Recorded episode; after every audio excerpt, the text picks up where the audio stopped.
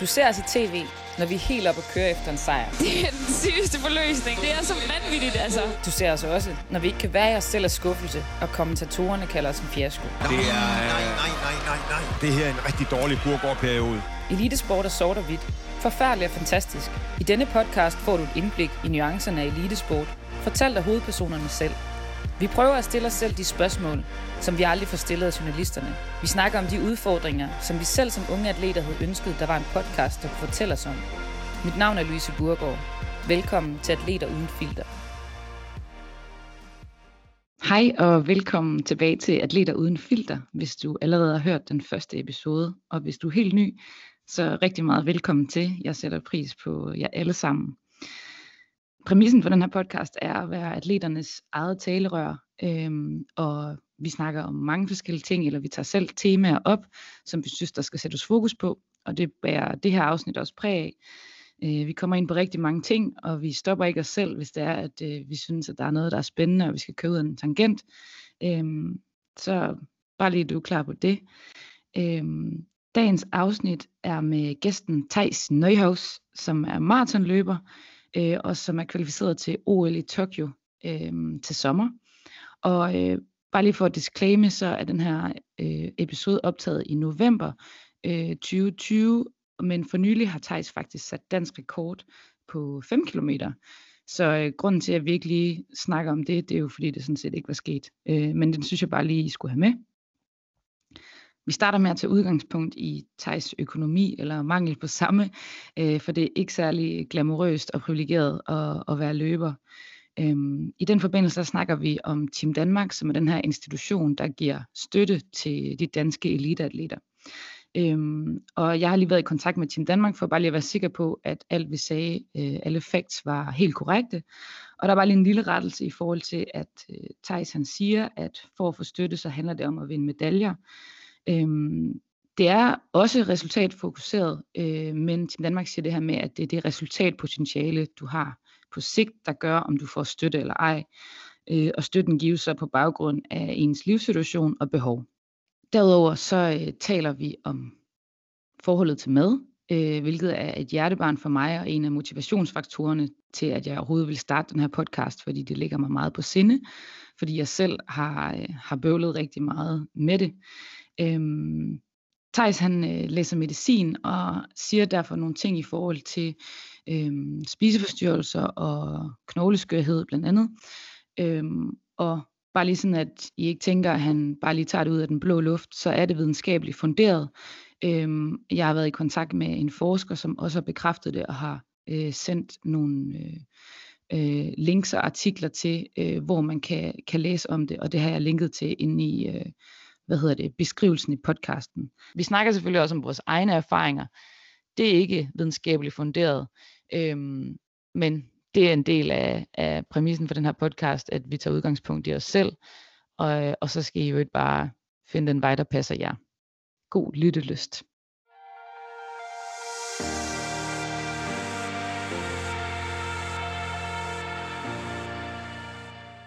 Velkommen til Atleter Uden Filter med Tejs Nøjhaus. Siger jeg det rigtigt nok? Ja, det er ret godt. Nøjhaus. Det er ikke nemt. Ja, Nøjhaus. Ja. Øhm, hvad hedder det? Øh, Thijs, du er kvalificeret til OL i Tokyo i maraton. Øhm, du blev nummer 31, 31 i verden øh, i, til VM i oktober 2019. Og øhm, du er 14 gange dansk mester. Øhm, du, ja, du har mange meritter. Øh, men derudover så læser du også medicin, og er på øh, 10. semester øh, ud af 12. Og øhm, ja, vi mødte hinanden til øh, ungdoms-OL i øh, 2009, og øh, du skaffede mig praktisk talt et job i 2014 i Viborg. Kan du ikke lige fortælle om, øh, om den situation? Jo, ja. Øh, hele introduktionen passer med, med fakta. Ja, jobbet i 2014 var jo egentlig meget pudsigt. Jeg, var, jeg havde været to og et halvt år i USA på college, og havde et halvt sabbatår derhjemme, og tænkte, at jeg skulle lave noget fornuftigt ud over løb. Så jeg havde ansøgt øh, om et job ved det, der hedder Mentor Danmark.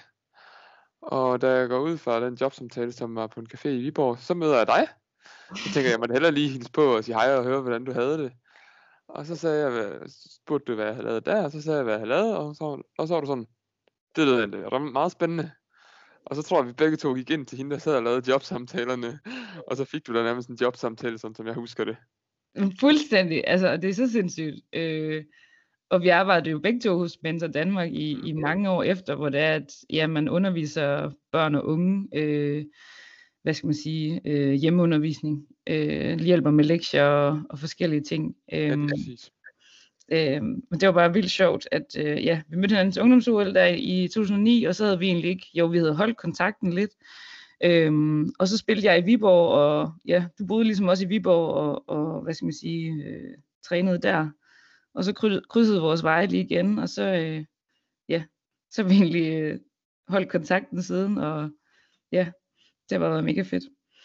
Øhm, hvad hedder det, der er jo det her indslag, øh, som jeg gerne vil holde ved gennem de forskellige podcast-afsnit med, at øh, min atletkrop, og øh, du har øh, du har taget et billede af noget på din krop, som fortæller en, en historie om dig som atlet. Og øh, du har valgt at tage et billede af dine akillesener.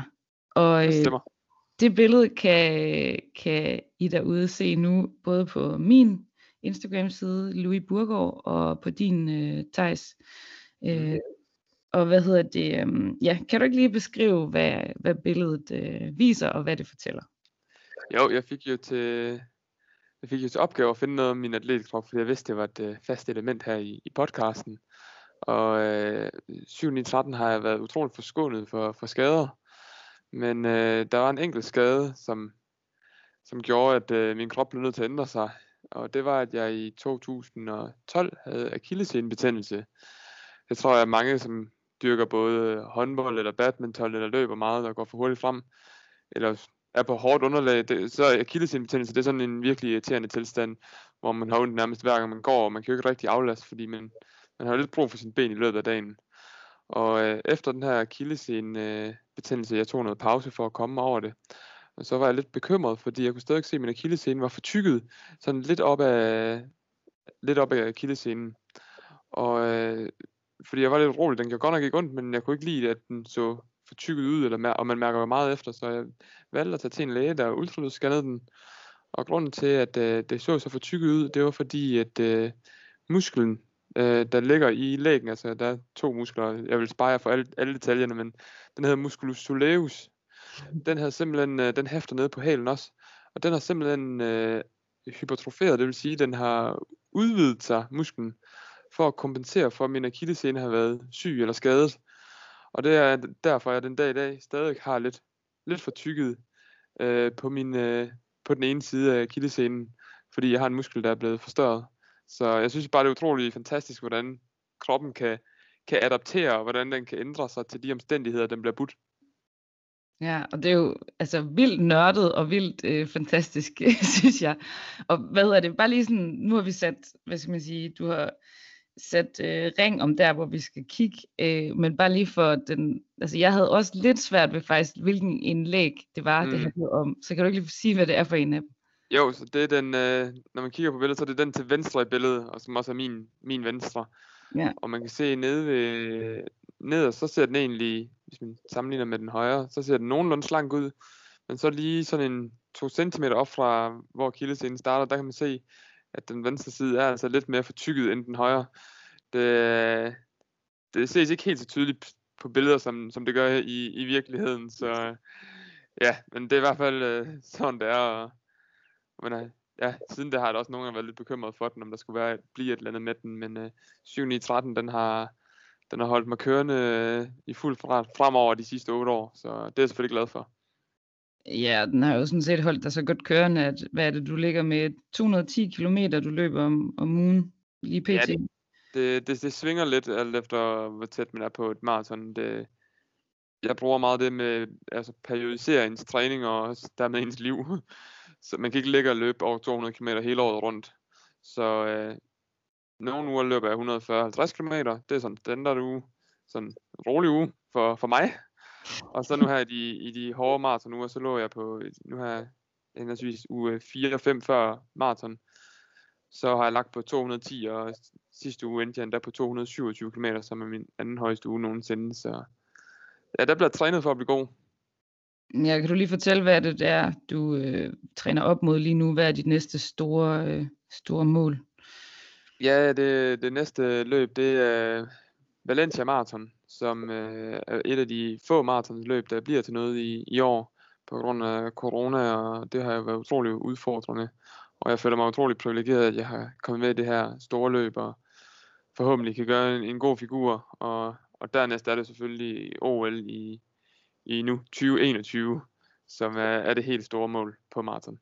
Ja, og lige nu der optager vi i, i november 2020, og dit øh, Valencia Marathon, det var den 6. december, ikke? Korrekt. Og det bliver dit femte maraton. Øh, det er også korrekt. Ja, øhm, og det er jo egentlig rimelig vildt taget betragtning. Altså, du er kvalificeret til OL i maraton, og altså, hvis jeg tænker over, at jeg skulle ligesom øh, til OL, og jeg havde kun havde spillet fem håndboldkampe, det ville være sådan lidt mærkeligt. Øhm, men hvad skal man sige, vi kommer ind på, på din historie øh, her i løbet af podcasten, det er meget det, vi skal snakke om. Øhm, men jeg tænkte lige at vende tilbage til øhm, at tage udgangspunkt i, øh, ja, dit billede øh, af din krop var jo rimelig nørdet, og man kan sige, det, det mm. kommer jo heller ikke øh, ingen steder fra. Det er jo også fordi, du læser medicin, øhm, og ligesom har en, en viden om, om kroppen der. Øhm, og det har du jo gjort sideløbende med, med din karriere. Og øh, ja, altså jeg må da ærligt indrømme, at hvis jeg nogle gange har synes, at mit håndboldliv har været lidt hårdt, så har jeg tænkt på, på dig. Øh, og så har jeg tænkt, hvis Thaj skal klare det, så, øh, så kan jeg også, fordi altså, ja, jeg kan huske, du fortalte mig, at ja, du løb omkring 200 km om ugen, studerede medicin, øh, og du kunne ikke få, få Team Danmark støtte, øh, fordi du ikke var kvalificeret til, til OL endnu. Vi, ja, vi er nogle, nogle år tilbage. Øh, og øh, ja, du havde også det her mentorjob ved siden af, og du skulle selv ud og finde sponsorer, og du boede også øh, en, en tid på, på kollegie. Øhm, ja, kan du lige fortælle, hvordan det, det fungerer at være øh, løber, øhm, og hvor, hvilke privilegier eller mangel på samme man, man har? ja, først og fremmest er det jo smirende at høre, at, øh, at jeg kan bruge som inspirationskilde. Og øh, ja, dernæst så, øh, altså, den helt store fordel ved at være løber, hvis vi starter med det, så kan vi komme til udfordringerne bagefter, det er jo, at man, man er jo ikke tvunget af, at man skal have en halv. Man er ikke tvunget af, at man skal mødes med andre. Man kan egentlig, har man et par løbesko og, og næsten et, et, et sæt tøj, og det behøver jo ikke engang at være så fantastisk, men et par gode løbesko, så kan man jo faktisk nærmest komme omkring, hvor man vil. Og det har jo også her i coronatiden været et af de få sportsgrene, som man stadig kunne dyrke. Ja. Men ja, altså efter jeg har været jeg gik på gymnasium i Skive. Så tog jeg to og et halvt år til USA, hvor jeg egentlig levede sådan en halvprofessionel tilværelse, hvor, hvor alt var alt var rettet mod, at man kunne, kunne træne, og så gik jeg lidt i skole, men jeg vidste godt, at jeg ikke skulle bruge det til noget, så jeg fik nok ikke taget mig så meget sammen, og, og trænede egentlig bare i to og et halvt år, så startede jeg på medicin i 2014, og øh, ja, det var, det var lidt en hård tid, og øh, altså både det med, at man selv skal finde sponsorer. Altså jeg har været heldig i Viborg, hvor jeg stadig stiller op i den dag i dag. At de har været virkelig gode til at hjælpe mig, og de har taget øh, lidt af, lidt af presset. Og, øh, og det er egentlig de sponsorer, jeg har haft, det er de private sponsorer i Viborg og min, og min klub. Fordi for at få noget støtte, Team Danmark eller bare fra forbundet, det har jeg først fået her for et halvt år siden, da jeg faktisk klarede øh, et VM-krav og selv der var det faktisk kun, øh, jeg tror det var 15.000 til den indeværende sæson, der klarede et VM-krav i 2019, og så i år har jeg fået en lille smule mere til, nu hvor der, jeg har kvalificeret mig til OL. Men øh, det er jo ikke løn på, på nogen måde, og, og huslejen skal jo, skal jo betales. Og øh, jeg er privilegeret, jeg har øh, SU'en, jeg kan, jeg kan komme langt med, og ligesom både på kollegie for at holde udgifterne nede. Og øh, ja, jeg har fundet, jeg har fundet min vej at gøre, gøre tingene på, men øh, det, jeg ville lyve, hvis jeg sagde, at det ikke har været vanskeligt til tider at skulle op, stå op klokken 6 om morgenen, for at træne fra 6 til halv 8, spise, og så være oppe på studiet klokken kvart over 8. Det akademiske kvarter redder mig, så det, det er jeg ret glad for i hvert fald. Det har reddet øh, mig mange gange for at komme for sent i hvert fald. Og så ellers bare køre på med, med skole ind til office klokken 4, og så øh, taget hjem igen, og så trænet og, og spist det er klokken 7 stykker, og så, så er den dag jo ligesom gået. Så øh, det, det, det kunne godt lyde en lille smule ens for mig. Jeg har haft nogle utrolig gode læsemakler på, på studiet, som også har været sportsfolk, som har forstået det, og som har været god til at, til os selv at skulle lave noget, der, derfor også skulle have nogle timer om dagen, hvor de ikke skulle læse, og hvor vi også har været effektive, når vi har sat os sammen. Så øh, det har helt klart været en stor fordel for, for mig. Nu er jeg så uden læsemakker på, på kandidaten, men kandidaten på medicin er, jeg skal passe på, hvad jeg siger, men den er en lille smule mere skånsom, hvad angår teori i forhold til altså eksamener. Eksamenerne mm. er ikke helt så, så kras, som de var på, på bacheloren. Okay. Og øh, jeg tog min bachelor på, på fire år i stedet for, for tre år. Og det var egentlig de sidste, den sidste halvdel, jeg endte med at splitte op. Fordi jeg ville prøve at se, om jeg kunne satse lidt frem mod OL i 2016, som jeg desværre ikke kom med til, hvor jeg mistede gradet på 5.000 meter. Ja. Med 18 sekunder. Så det er en travl hverdag.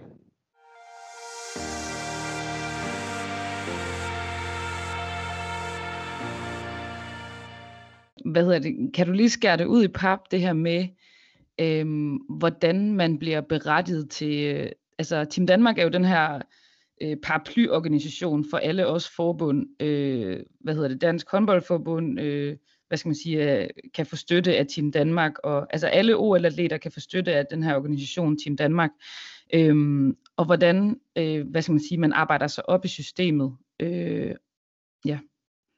Ja, man kan sige, uh, langt hen ad vejen, så er det jo en masse forbund, der hører ind under Team Danmark, som du selv nævner. Og hvert forbund får nogle bevillinger, alt efter hvor godt de gør det. Det er meget sådan, det er meget resultatorienteret og meget resultatpræget. Og, og langt hen ad vejen har det er jo selvfølgelig min individuelle opfattelse, det er, at for at få Team Danmark støtte, øh, så handler det om at vinde medaljer. Jeg kan jo se mine, mine kære kollegaer på orienteringsløb, og det er ikke for at, at hænge dem ud. Men man kan sige, at orienteringsløb er jo en betydelig mindre sport end for eksempel løb. Ja. Og der er rigtig mange af dem, som løber, altså deres sport handler jo også om at orientere sig og løbe. Mm. Ikke kun om at løbe, som min, min sport er men der er rigtig mange, selv når de har været på europæisk niveau, så har de formået at få Team Danmark støtte og Team Danmark SU og stipendiater, og hvor man bare har tænkt, at det er jo egentlig lidt vildt, at jeg har været med til EM Cross 10 gange i streg, og jeg har været med til, altså jeg skulle op og nå et helt et senior VM, inden jeg blev kvalificeret til bare at få en, en lille smule, og det var så faktisk af, af mit forbund, Dansk Atletikforbund, jeg fik det første omgang, ikke af Team Danmark. Okay. Og når man så kommer, bliver, ens forbund skal indstille ind til Team Danmark, og så kan man egentlig blive kategoriseret i tre grupper. Og den nederste gruppe, det er sådan en pyramide, den nederste gruppe er den største gruppe, og det er egentlig der, hvor man egentlig er Team Danmark atlet. Men der er egentlig ikke nogen ekstra goder forbundet med det. Man kan ikke bruge deres behandlere, og man får heller ikke noget støtte. Så øh, sådan som jeg har forstået det i hvert fald, og, og så er det jo lige så meget bare et, et klap på skulderen, at man er på rigtig vej, og man kommer ind i systemet. Okay. Og så det, det andet trin, det er så eliteatleter. Det er jo så dem, der kan begynde at bruge fysioterapeuter, massører, kiropraktorer, læger, og kan få en lille smule støtte, både i form af økonomisk, økonomisk støtte, ja. ja. Også i forhold til, altså en ting at dække udgifter, og så en, jeg har været så heldig at få en lille smule stipendiat, altså et par tusind kroner nu fra, fra næste år af. Og så den øverste gruppe, som er utrolig få atleter, det er jo verdensklasse atleterne. Mm. Det er jo dem, der vinder medaljer. Det er jo, altså, fra atletikens verden er det jo for eksempel en Sara Slot. Ja. Eller en, en Andreas Bube. Så øh, det er så dem, der har taget medaljer til EM og, og VM og OL i atletik de, de senere år. Ja. Og øh, ja, så det, det er lidt en hård kamp, og det her med at komme ind i systemet, og, og det er jo egentlig, jeg, jeg synes jo, når man har nået et VM-OL-niveau, at så er der måske nogle andre døre, der forhåbentlig åbner sig. Så jeg vil jo ønske, at man ikke, altså, jeg ved godt, det ikke er gule og grønne skove med økonomisk støtte, men vi måske begyndte at sætte ind lidt tidligere, så vi ligesom kunne fastholde nogle af de talenter, man kan sige. Mit gennembrud er jo først kommet her i 7-28 års alderen. Mange andre havde måske mit øh, skoene på hylden øh, langt forinden. Ja. Øhm, Ja, og altså, hvad skal man sige, den, den kæmpe store forskel mellem øh, din og min økonomiske situation er jo, at jeg får en fast, jeg skriver en kontrakt med en klub, det er ofte et eller to år, og så får jeg en fast løn hver måned. Øh, sådan hænger det jo slet ikke sammen for dig. Øh, du får egentlig, ja, i, i en la- lang tid har du ikke fået en krone, og nu har du så fået, hvad sagde du? Jeg ved ikke, Ja. om du må sige det, men, men du får en, en meget, meget lille økonomisk støtte. Nej, jeg, jeg kan jo sige, jeg kan sige det den, på den måde, at, øh, at rent øh, sådan lommepenge støttemæssigt efter, efter skat svarer det cirka til en tredjedel af SU. Ja. Så, så kan folk selv øh, kigge på det, og, og og jeg er faktisk utrolig taknemmelig for at få det, fordi den lille smule kan faktisk godt gøre en forskel. Det er jo også det, der er så egentlig så, så tankevækkende, at altså, jeg har levet på min SU, og så på en, en lille smule arbejde ved siden af. Og så har jeg haft klubben, og man kan sige, det jeg har fået af min klub og mine sponsorer, det er til at dække træningslejre og stævner i udlandet. For jeg bliver jo heller ikke betalt for at komme til stævnerne. Altså det er jo noget, jeg betaler for. Altså flyrejser for eksempel. Så ja, det har egentlig gjort, at, at udgifterne er gået i nul, hvor altså mange andre øh, løbere eller atletikfolk generelt, de har jo nok nærmest et, et underskud. Altså de bliver selv til at investere penge i deres karriere for at se, hvor langt de kan nå. Langt hen ad vejen. Og så kan det jo selvfølgelig godt være, at man skal være idealist og tro på, at en dag vender det, og en dag kan man tjene nogle penge, og jeg har da også tjent en lille smule på, på nogle landevejsløb. Men det, er- det, det har aldrig været fastløn, og det har altid været meget, meget usikkert. Ja, det er jo en helt anden verden i forhold til os. Altså hver gang vi rejser, så er det jo vores, hvis det er med klubben, så betaler klubben selvfølgelig alle rejseudgifter. Og når vi er med landshold, så får vi løn fra landshold, samtidig med, at vi får løn fra vores klubber. Øhm, så på den måde, så er det jo bare en, en helt, helt anden verden. Øhm, og hvad hedder det? Så, så hvad skal man sige, hvis du skal, hvornår begyndte du at, og hvad skal man sige, øh, være op og, og løbe så meget, at man kunne betegne det som et, et professionelt atletliv? Ja, hvis jeg lige skal vende tilbage til det med landsholdet, så skal jeg nok lige svare på spørgsmålet. Så når Ja. vi bliver udtaget til landsholdet, så skal vi faktisk betale for at være med. Fordi økonomien er så, øh, så spæd i vores forbund, at altså, hvis jeg skal til et EM, så er det tillykke, du skal betale 2.500 for at være med. Hvilket, hvilket klubben selvfølgelig fantastisk vis betaler, men det, det viser bare noget om, hvor, hvor stor kontrasterne er i forhold til hvilken øh, sport man dyrker i, i selv i et land som, som Danmark, så kan man da virkelig snakke om noget, noget ulighed. For at svare på, på dit spørgsmål om, hvornår man er, altså, folk spørger jo, er du professionel atlet? Og jeg tror jeg måske, jeg, jeg prøver at efterstræbe at træne og, og leve og tænke som en professionel atlet. Og øh, jeg er da også god i, til perioder, for eksempel nu her skulle jeg egentlig have skrevet speciale, det gør jeg så ikke, fordi det gør jeg i foråret. Og så bruger jeg de, den måned her nu, hvor jeg egentlig ikke skal noget som helst på at træne fuld tid og egentlig bare løbe, spise og træne Mm. og sove. Altså. Og, øh, men jeg har jo trænet, øh, siden jeg startede i gymnasiet, har jeg trænet hver dag. Altså, så jeg har trænet hver dag i 10 år. Ja. Stort set ingen fridage. Og de sidste 5-6 år, så har det jo været to gange om dagen i 5 fem dage om ugen. Så øh, det, det tror jeg, de fleste øh, vil, vil betegne som værende ret professionelt, men, men det er jo ikke noget, jeg tjener nærmest en krone på. Nej, det er det, jeg skulle til at sige. Altså, hvad skal man sige? Hvis jeg skal sammenligne med mig selv, så blev jeg professionel øh, som 17-årig.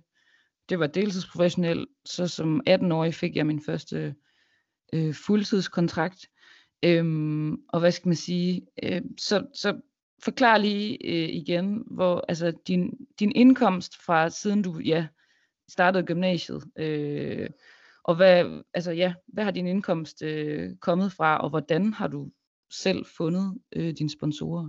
Ja, i gymnasiet, der, havde jeg, der boede jeg hjemme, og mine forældre var gode til at, at støtte mig, og der havde jeg ikke noget arbejde, fordi jeg skulle passe min skole og min træning.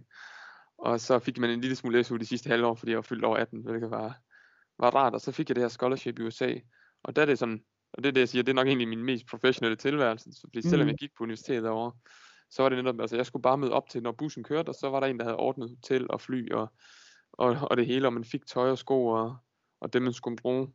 Så det var jo, det var det tætteste, jeg kom på det, man kan sige. Den eneste udgift, jeg havde i USA, det var flyrejserne frem og tilbage fra Danmark, og dem tjente jeg ved i sommerferien at arbejde i en løbebutik i Viborg. Og så da jeg kom på, øh, da jeg så kom tilbage fra college i USA, så var det, at jeg tog det her mentorjob i mit halve år, jeg havde tilbage af sabbatåret, inden jeg startede medicin, og så fortsatte jeg faktisk med, med Mentor Danmark, og så SU, og det fik jeg tingene til at køre, køre rundt på.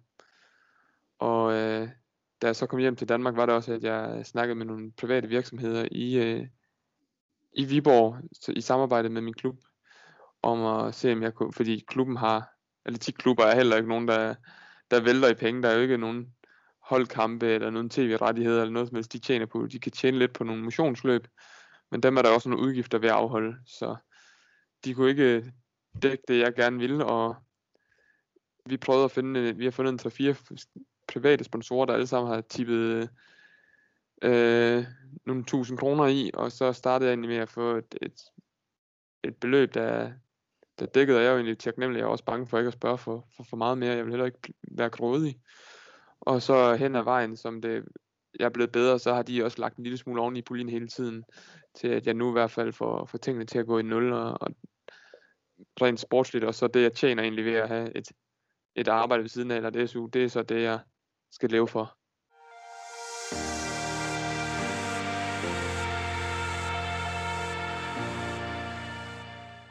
Rent praktisk, altså hvordan, altså når man netop øh, lever som professionel atlet, og man øh, studerer medicin, og man har et arbejde ved siden af, altså hvordan går, går du ud og banker på døren til en, til en sponsor og siger, øh, hej, øh, kunne I tænke jer at sponsorere mig? Jeg kan, jeg kan give jer lidt eksponering, øh, når jeg er i tv, og så videre. Ja, man skal, man skal jo finde ud af, hvad man kan... Altså, jeg har lavet til med, med mine meritter, og hvem jeg er, og, og det har hjulpet, at for eksempel Viborg Folkeblad er ekstremt dygtige til at putte billeder og putte artikler i, i, avisen, og på den måde har de jo måske set, okay, men han er egentlig i lidt ofte, så det kunne jeg vise frem, og sige, at I kan få jeres logo på min trøje, og jeg er også heldig at få en bil på et tidspunkt. Men det er ved at skrive nogle mails, og, og, og vi har et netværk, der har været en, en person i Viborg, der har hjulpet mig utrolig meget, som har et kæmpe netværk, som selv har skulle finde sponsorer til nogle projekter tidligere, mm. som har kunne sætte mig i forbindelse, og, og det har jo været igen lidt ligesom, da, du rendte, da vi rendte ind i hinanden for, på den der café i Viborg med mentorjobbet, det, det er lidt med at kende de rigtige personer på, på de rigtige tidspunkter, og så en masse velvilje fra nogle af de personer i erhvervslivet, der har, der har valgt at støtte mig. Fordi det er jo nok begrænset i sidste ende, hvad de egentlig får igen.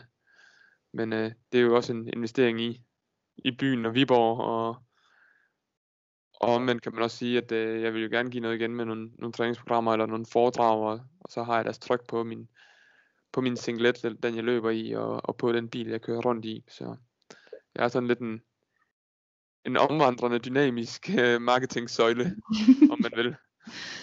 Ja, normalt så, hvad skal man sige, i vores klub er der jo ligesom ansat marketingfolk til at, og, og, hvad skal man sige, jo sponsorer ind og lave, lave events og sørge for det. Altså der har du jo skulle bare altså, have alle kasketter på øh, i din egen lille øh, Thijs AS virksomhed. Altså, Ja, det har det, det har det helt klart været. Altså det, og det, og det, det kan jeg godt mærke, at det kan være svært, det med lige at finde de gode idéer til at lave et event, og så lige holde, holde alle, alle boldene i spil på, på samme tid. Men ofte har jeg prøvet at kombinere det med øh, at sige, okay, men hvis der for eksempel er et løb i Viborg, så har jeg stillet op der, og så har jeg stået og snakket med, med nogle folk bag, så egentlig været til stede.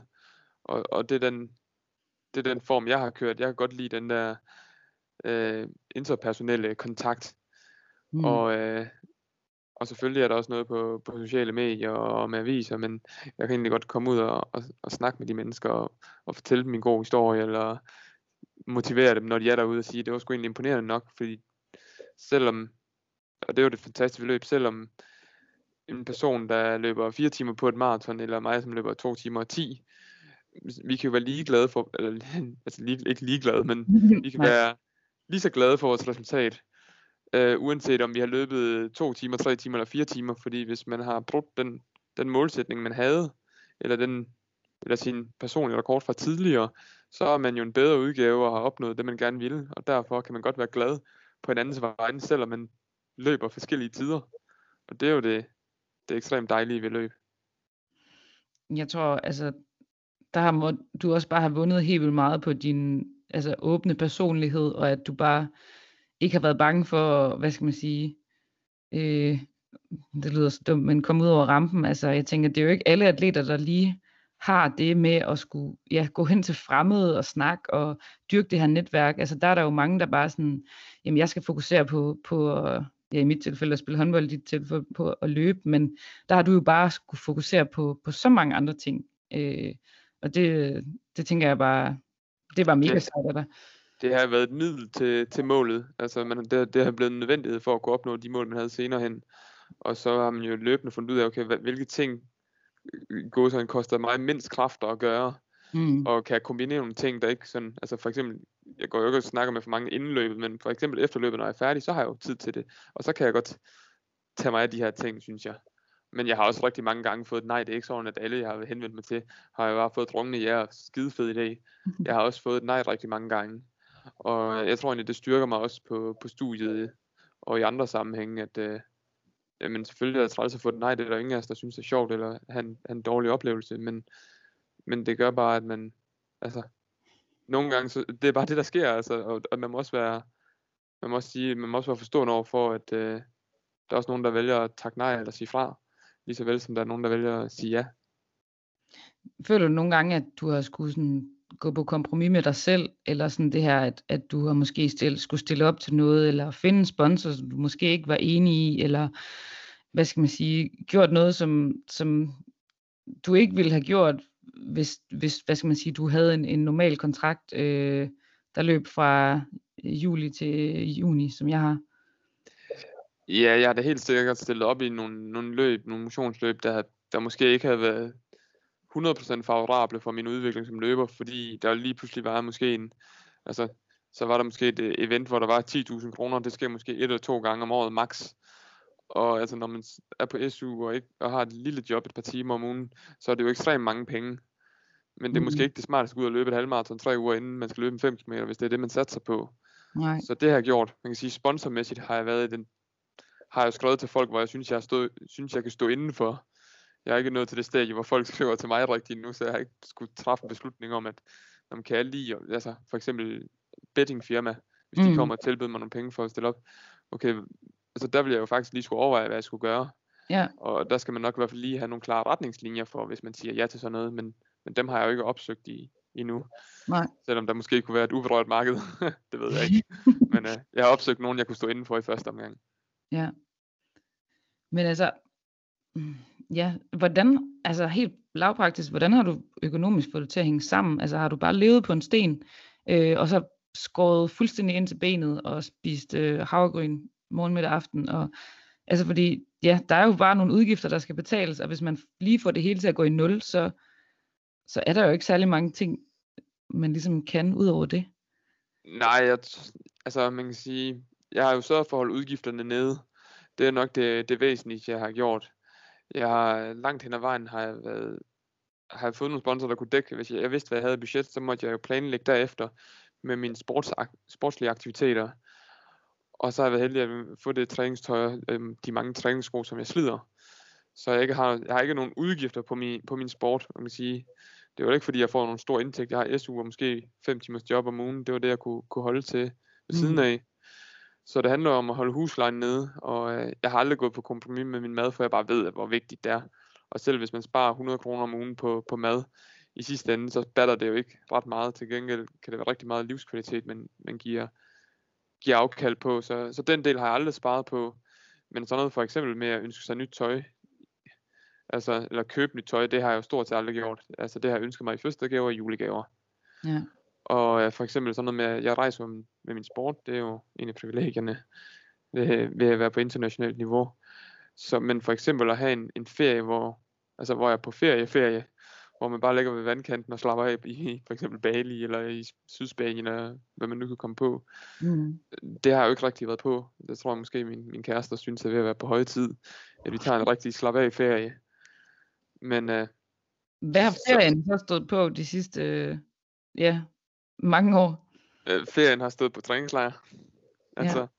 ellers så har det været, at, øh, og, det, og det er jo også, altså, når man er en måned i Kenya, det er jo også en form for, altså selvfølgelig træner man hårdt, men det er også en ferie, hvor du får oplevet noget og får set nogle ting. Selvom jeg leger, når jeg ikke rundt og leger turist og tager busture i øst og vest og, og ser alt muligt, så ser man jo nogle ting, og man møder jo nogle kulturer, når man er i Kenya. For eksempel, jeg har været i Kenya fem eller seks gange nu, i en lille landsby, så, så lærer man jo at kende landet indenfra, og det kan jo også et eller andet. Ja. Det er jo også en form for, for rejse eller, eller ferie. Så jeg, jeg har helt klart holdt, holdt udgifterne nede, eller så feriemæssigt. For eksempel, da jeg klarede OL-kravet i Sevilla, der havde jeg planlagt det sådan, at jeg tog hjem tre dage efter løbet, altså onsdag morgen, og løbet var søndag. Så jeg havde mandag og tirsdag til at se byen, og, fordi oftest bliver det jo bare flypladsen, altså eller, hvad det hedder, lufthavnen, hotellet, og der hvor man skal løbe. Ja. Og hjem Det igen. jeg godt. Det kender du helt sikkert også. yes. Og så nu med maraton, så efter et maraton skal man alligevel holde nogle dages fri. Så har jeg taget det som ferie og øh, går rundt i Sevilla en to-tre dage efterfølgende for eksempel. Så, men der er ikke sådan noget som skiferie, har jeg aldrig været på. Og sådan rigtig ferie, ferie, det gør jeg heller ikke så meget i nu. Men det kommer jo nok en eller anden dag. Altså det skal jeg nok nå. Jeg tror også, man skal... Jeg er meget ærlig omkring, at det jeg vil i mine 20'er, det er at blive bedst mulig løber og løbe hurtigt, og så samtidig tage mit studie. Det er ikke så vigtigt, om jeg lige får taget en ekstra ferie, eller om jeg har det nyeste tøj. Nej. Det, og så har jeg været, ja, som sagt været heldig med, at der, der er stillet en bil til rådighed. Det betyder igen en, en kæmpe forskel. Altså, Mm. Jeg, tror, jeg, jeg kan huske, jeg så dig løbe et løb i Viborg, og, hvor du vandt, og jeg tror måske, du vandt en sportstask eller sådan noget. Kan det passe? Ja, altså, det, er ikke, det har ikke været, altså, man kan sige, et, et løb i, i Viborg nogle gange, det kan sagtens være en sportstask og en drikkedunk, og måske et gavekort på 500 kroner. Altså, det er, det er en typisk præmie, sådan til de mindre løb. Ja. dem i starten, så jeg fandt jo, jeg begyndte jo at lave noget business ud af det, da jeg var 17-18 år, fordi jeg havde jo ikke noget arbejde, men jeg kunne se, at hvis jeg vandt, der havde jeg en tøjsponsor på det tidspunkt, som Mm. gav mig tøj. Så når jeg vandt gavekortet tøj, så solgte jeg dem 20% mindre. For eksempel gavekort, hvis jeg vandt 1000 kroner, så solgte jeg det for 800. Ja. Og på den måde fik jeg lavet lidt, øh, lidt, øh, lidt indtægt. Og så sammen, hvis jeg vandt for eksempel løbetøj fra et andet mærke, så kunne jeg sælge det til halv pris. Og så tjene lidt penge på, på den måde. Og så var der ligesom et incitament for at løbe de der små, øh, små skodløb, som jeg kalder dem. Men at, det vil jeg jo ikke gøre den dag i dag. Og så var det også meget sjovt dengang, fordi det, altså, når man ikke har været vant til at, altså, når man måske ikke har været super god til, til noget, og når måske være lidt den, der blev valgt sidste op i skolen også i til, til nogle ting, så, øh, så er det sgu egentlig meget fedt, at man er nået til et punkt, hvor man kan vinde et løb, og hvor, hvor folk egentlig begynder at øh, sådan lidt snakke om en, eller se op til en. Altså, det, det giver jo en en enorm øh, selvtillidsbooster for, for mennesker i teenageårene, der ikke har været vant til den her opmærksomhed, eller klap på ryggen. Ja.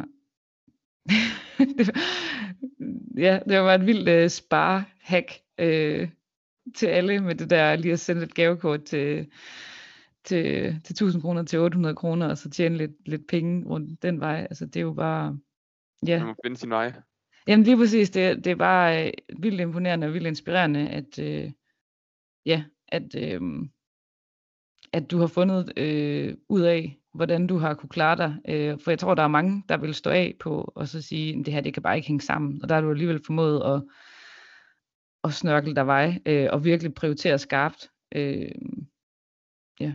Jamen, det er lidt, øh, jeg har nogle gange tænkt på, øh, jeg læste et citat af af Bill Gates, der på et tidspunkt sagde, at han rigtig gerne ville have de dogne folk i Microsoft. Jeg kan bare huske, at jeg undrede mig over det. Hvor, hvorfor i alverden ville han dog det?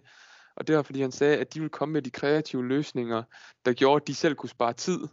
Og dermed vil de finde nye veje end de gængse veje. Og det er jo måske lidt det, jeg har gjort på, på min måde jeg vil ikke Fordi- betegne dig som doven, hvis jeg skal Altså, jeg er ikke, ikke i den forstand, at jeg er doven, men i den forstand, at mine vilkår har været, at jeg ikke har en indkomst eller en kontrakt på den måde. Så jeg har blevet nødt til at finde en, en ny og kreativ løsning for at få tingene til at gå op.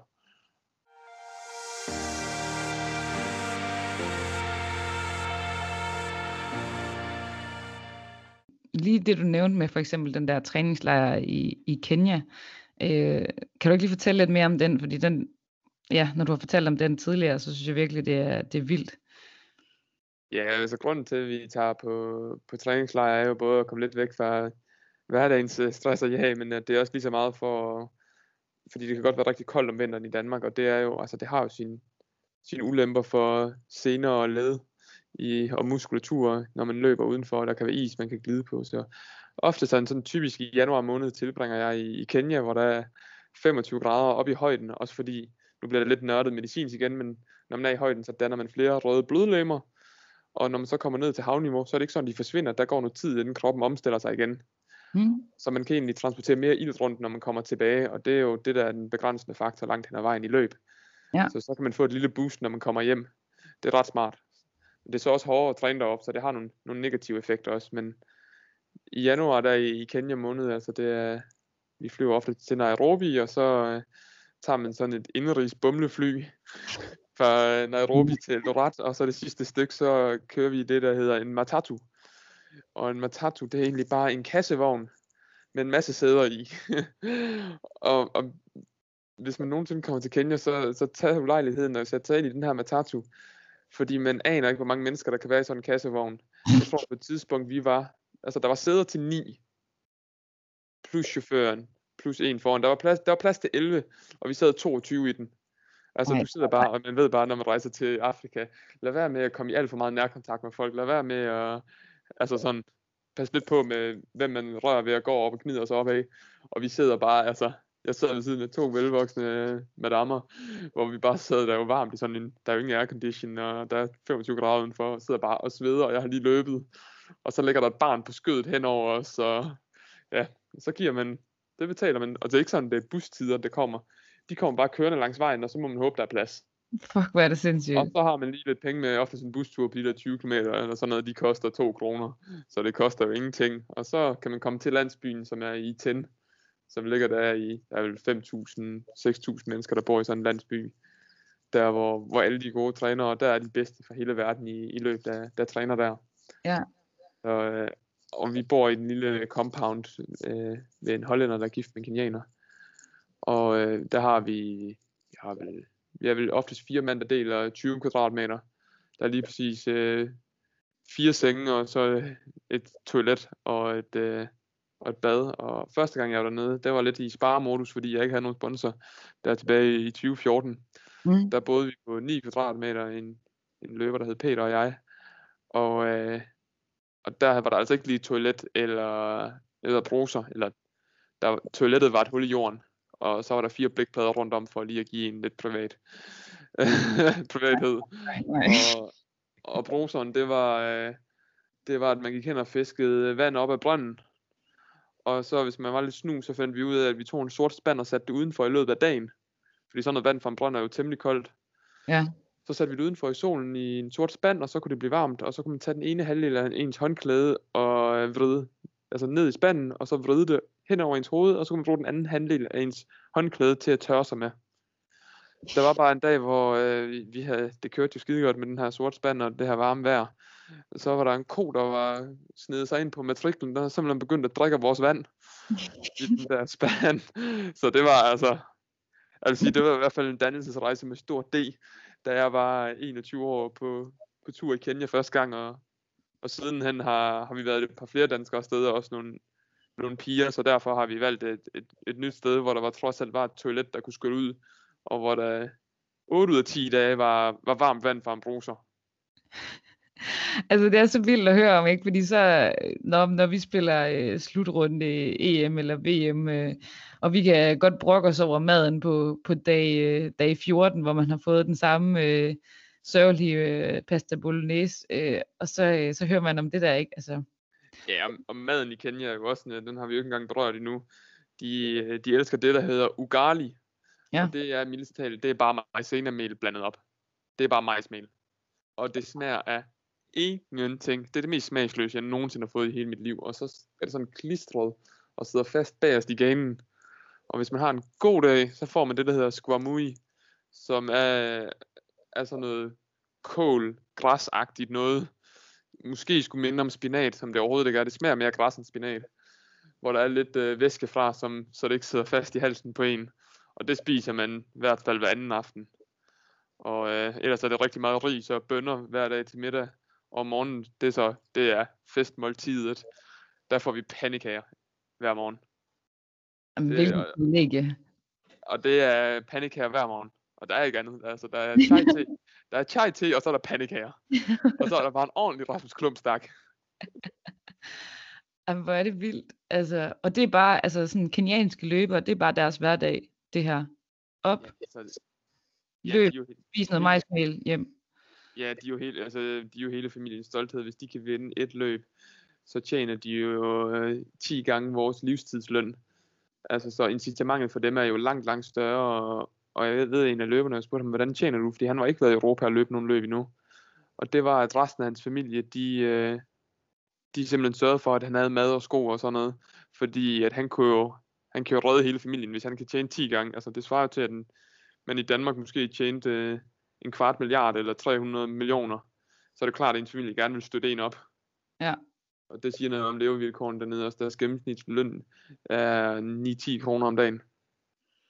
Mm, altså, og hvad skal man sige, det er jo, det er jo en motivationsfaktor, som, som vi i Danmark ikke forstår, og aldrig kommer til at forstå, og som bare ikke kan, altså, den kan, kan aldrig komme for os. Så, Nej. hvad skal man sige, man kan forstå hans motivation og incitament, men, men hvad er det så for en motivation, der har gjort, at du har kunne fortsætte gennem det her, når du ikke har øh, og kan forsørge hele din familie på, på livstid, og du lige kan få det til at gå i nul? Altså, hvad er, det, hvad er det, der får dig til at holde ved? Det er nok kærligheden til sporten. Altså man kan sige, heldigvis skal jeg ikke forsørge hele min familie. Der er ikke noget pres fra familien, fordi de Nej. kan heldigvis forsørge sig selv. Så, så heldige og så dejligt land bor vi jo i. Men altså, det, altså jeg startede jo af, altså jeg var ikke engang så god, da jeg startede. Jeg var 13 år, og jeg blev slået af alle pigerne. Men, men det var nok den der frihed i at kunne komme ud og løbe og, og gøre noget selv, og lidt, lidt være sin egen lykkes med, hvor, hvor langt man skulle nå. Det der med, at, øh, og, og det er jo meget simplificeret, fordi der er jo et helt team med, både med søger og med, med træner og med familie bag mig nu. Men i langt hen ad vejen tænkte jeg, at man, man tog jo selv ansvar for, hvor god man ville blive. Og i og med, at der ikke har været nogen penge eller kontrakter i spil som sådan, så har man jo altid holdt det, ja, kept it real, som de siger i USA. At øh, det har jo været, fordi man kan lide det. Altså, jeg har ikke taget et år ekstra, fordi man, okay, det, det er økonomisk godt for mig, eller jeg har jo altid løbet, fordi jeg synes, det var sjovt, og fordi jeg havde lyst.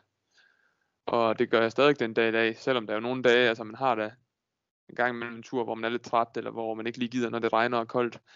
Men jeg har aldrig haft en uge, hvor jeg har flere dårlige løbeture end gode løbe, altså en gode løbetur. Og jeg tænker, når den, den uge kommer, så drosler jeg nok lige lidt, for, lidt ned for at få motivationen igen. Og det kan være, at man aldrig kommer op derfra igen, det ved jeg ikke. Det har jeg ikke prøvet. Men altså, ja, igen, hvis jeg skal tage udgangspunkt i mig selv, altså jeg er jo, jeg træner jo også øh, pisse meget, og, sådan, og vi laver også løbetræning en gang imellem, og det er sejt. Jeg vil, jo ikke, jeg vil ikke kunne følge med i dit tempo. Du løber på maraton i måske mere end, måske maks et minut. Og det er der, vi er. Derudover, det stadig er rigtig godt, skal, kan jeg så lige hilse at sige. Jamen, og det, og, det, og det er også det, jeg siger. Jeg, tror, jeg ved ikke engang, om jeg vil kunne det. Altså, hvad er det, hvad er det din uh, gennemsnitshastighed er, når du løber et maraton? Øh, gennemsnitshastighed på et maraton, det er 3,06 per kilometer, eller omsat til kilometer i timen, så er det 19,35, mener jeg, mener jeg regnet ud til, så ja. ja. Så I kan lige prøve det ud at stille op på et løbbånd, og så lige sætte den der, og så bare lige holde den fart i, hvad, hvad siger du, to timer og... 10 minutter. 10 minutter, ja. Sørg lige for at have en madras bagved. Der er far for, at man kan falde af. Nej, men det her med... skader på vores samvittighed. men det her med, at, ligesom, at altså, som atleter kan vi spejle os rigtig meget i hinanden, men på den anden side er der også nogle ting, hvor vi bare er vidt, vidt forskellige. Altså jeg kan jo...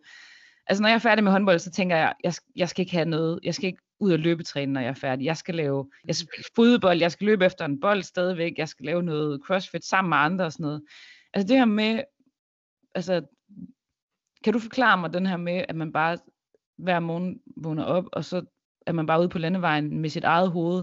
Så jeg ved godt, nogle gange træner du sammen med andre, men, men, men at finde glæden i det, altså hvad er det, hvad er det fede ved at være derude alene, og bare være alene med sine egne tanker? Fordi det har jeg faktisk, øh, altså det har jeg virkelig tænkt over, hvordan, hvordan man kan det, og nyde det. I, i, i mere stressede perioder, eller hvor man har, har meget at lave, altså hvis man har et, et fuldtidsjob eller et fuldtidsstudie, så har det jo nærmest været en form for meditation, hvor man lige har kunne koble fra og tænke, okay, hvad, altså hvor man lige spiller, spiller hele dagen baglæns, okay, hvad er der lige sket, og hvad er, det, hvad er det egentlig, jeg lige skal huske, hvad var det vigtigt ved den forelæsning, så når man lige har fået tid til at tænke om, okay, hvad er det, hvad er det egentlig, jeg har gjort og oplevet i dag, og, og nogle gange bare for at tænke på noget helt andet, bare at komme ud og så bevæge sig, og så egentlig, jeg tror bare, der er tomt øverst. Det kan, altså, nogle dage, hvis man virkelig har været, været på, så, så løber man en halv time, og så har man egentlig glemt, over, altså, hvad man tænkt på i 30 minutter, det aner jeg ikke. Altså, okay. Så det er en form for, i hvert fald i dengang med gymnasiet, og når man har travlt, så er det et fritrum. Og man kan så sige, øh, en af grundene til, at jeg også får, får trænet meget, er jo, fordi at jeg, jeg synes jo, det er ekstremt fedt at konkurrere, og det er også det, der motiverer mig. Så når man, når man nogle gange har det hårdt, eller vil løbe en, en lang tur i søndags på 40 km, og de sidste 10, at jeg begynder at få det hårdt, at jeg tænker, okay, nu giver du det lige en skalle, det er jo fordi, jeg ved, jeg kommer til at opleve det samme i konkurrence. Mm. Lidt ligesom I inden for, for håndbold eller fodboldspillere. I må jo også nogle gange gå, gå lidt til stålet, fordi det er jo det, der møder jer i, i konkurrence, så det er helt sikkert også en, en del af det, der, der motiverer mig der, men øh, og det man kan sige også er med løb, når jeg, når jeg løber de fleste af mine træningsture, 90% af tiden, der løber jeg jo i et tempo, hvor jeg kan snakke og have det godt. Så det er ikke sådan, at jeg kommer hjem og er helt gennembanket og træt. Og det tror jeg, det er sådan, at mange de tror, når de skal ud og løbe to eller tre gange om ugen, så skal de bare løbe all out. Og så kan jeg godt forstå, at det bliver mere en lidensvej, end, øh, end noget, der er, er hyggeligt. Øh, fordi så gør det jo ondt, hvor jeg løber et minut langsommere, altså hvis jeg løber 3.06 på et maraton, så løber jeg cirka 4.06 på træning, altså omkring 4 minutter per kilometer.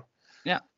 Hvilket jo stadig er hurtigt for, for rigtig mange, men det er mere for at sige mm, det der med, at jeg lægger, jeg lægger en del tid til, så hvis man kan løbe en 5 km på 25 minutter, så løber jeg ikke 27, så løber man ikke 27 til træning, så løber man måske en 5 km på 32-33 minutter til træning.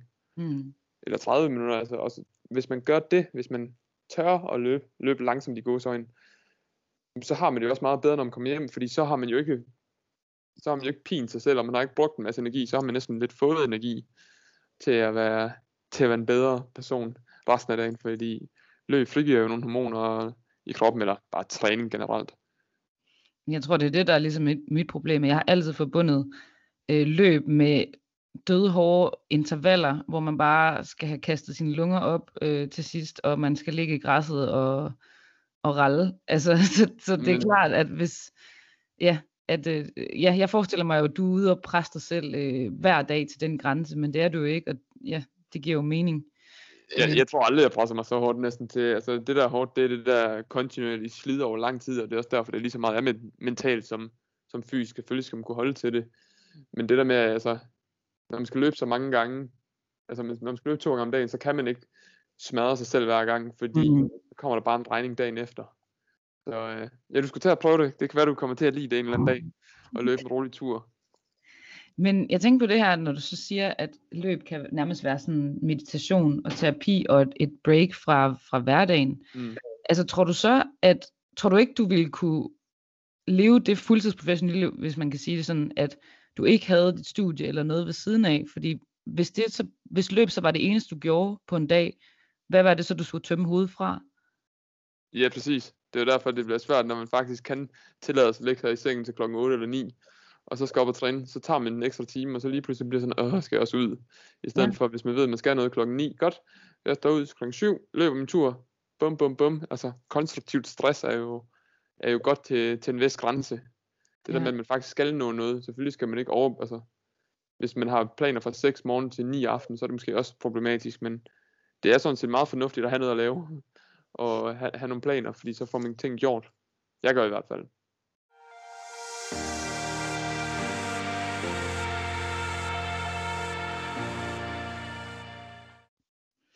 Hvad hedder det? Øhm, hvis vi lige skal tage fat lidt på det, sådan, din baggrund og sådan, øhm, det her med, ja, du sagde øh, til mig, at øh, for 10 år siden, der var det slet ikke oplagt, at du skulle være kvalificeret til OL. Øh, hvad hedder det? Kan du sådan, kan du lige fortælle lidt om, om din historie og ja, hvordan du nåede derhen til, hvor du er nu? Ja, øh, som jeg sagde, jeg startede, da jeg var 13 år. Jeg spillede fodbold, som mange andre drenge nogle gange gør. Og jeg var klart bedst uden bold. og, til, og, og, til opvarm, og til opvarmning. Og fordi, at der er en vis form for realitetssans, der begyndte at slå ind, da jeg var en 13-14 år gammel at øh, det var nok ikke fodboldspiller, jeg blev, uh, selvom jeg løb og trænede rundt under bukserne, så havde jeg bare ikke talentet for det. Nej. Så jeg begyndte at løbe lidt, og, og jeg synes bare, det var mega skægt. Og jeg blev godt nok slået af pigerne de første år eller to. Men øh, så da jeg var 15-16 år, besluttede jeg mig for, at nu sagde jeg til min træner, nu gider jeg simpelthen ikke, nu vil jeg være den, der slår de andre. Og så sagde han, så skal du nok til at træne mere. Så jeg gjorde bare, hvad han sagde. Og øh, han har jo optrædet mig godt, og så, så han siger, at du kommer til at skulle træne hver dag stort set. Så sagde jeg, okay, så er det det, jeg gør. Altså, og det gav også nærmest resultater med det samme.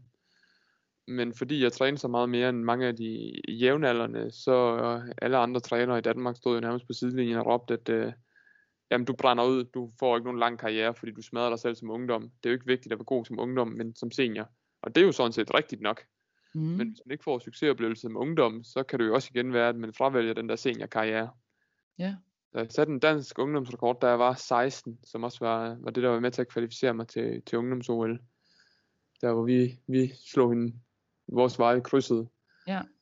Og, øh, og, og det gav mig jo en, en ståltro på, at, øh, at uanset der ville nok komme dårlige år, så havde jeg da i hvert fald et eller andet form for talent, og, og om det så var talent for at træne, det var det jo nok sandsynligvis. Mm. Så kunne jeg i hvert fald bruge den til et eller andet. Og øh, i løbet af gymnasietiden, og der i 17-18 år ungdoms der skulle vi lave en masse test i, i Dansk Atletikforbunds regi, og også, jeg tror også, der er noget af det, der måske var lidt styret for Team Danmark.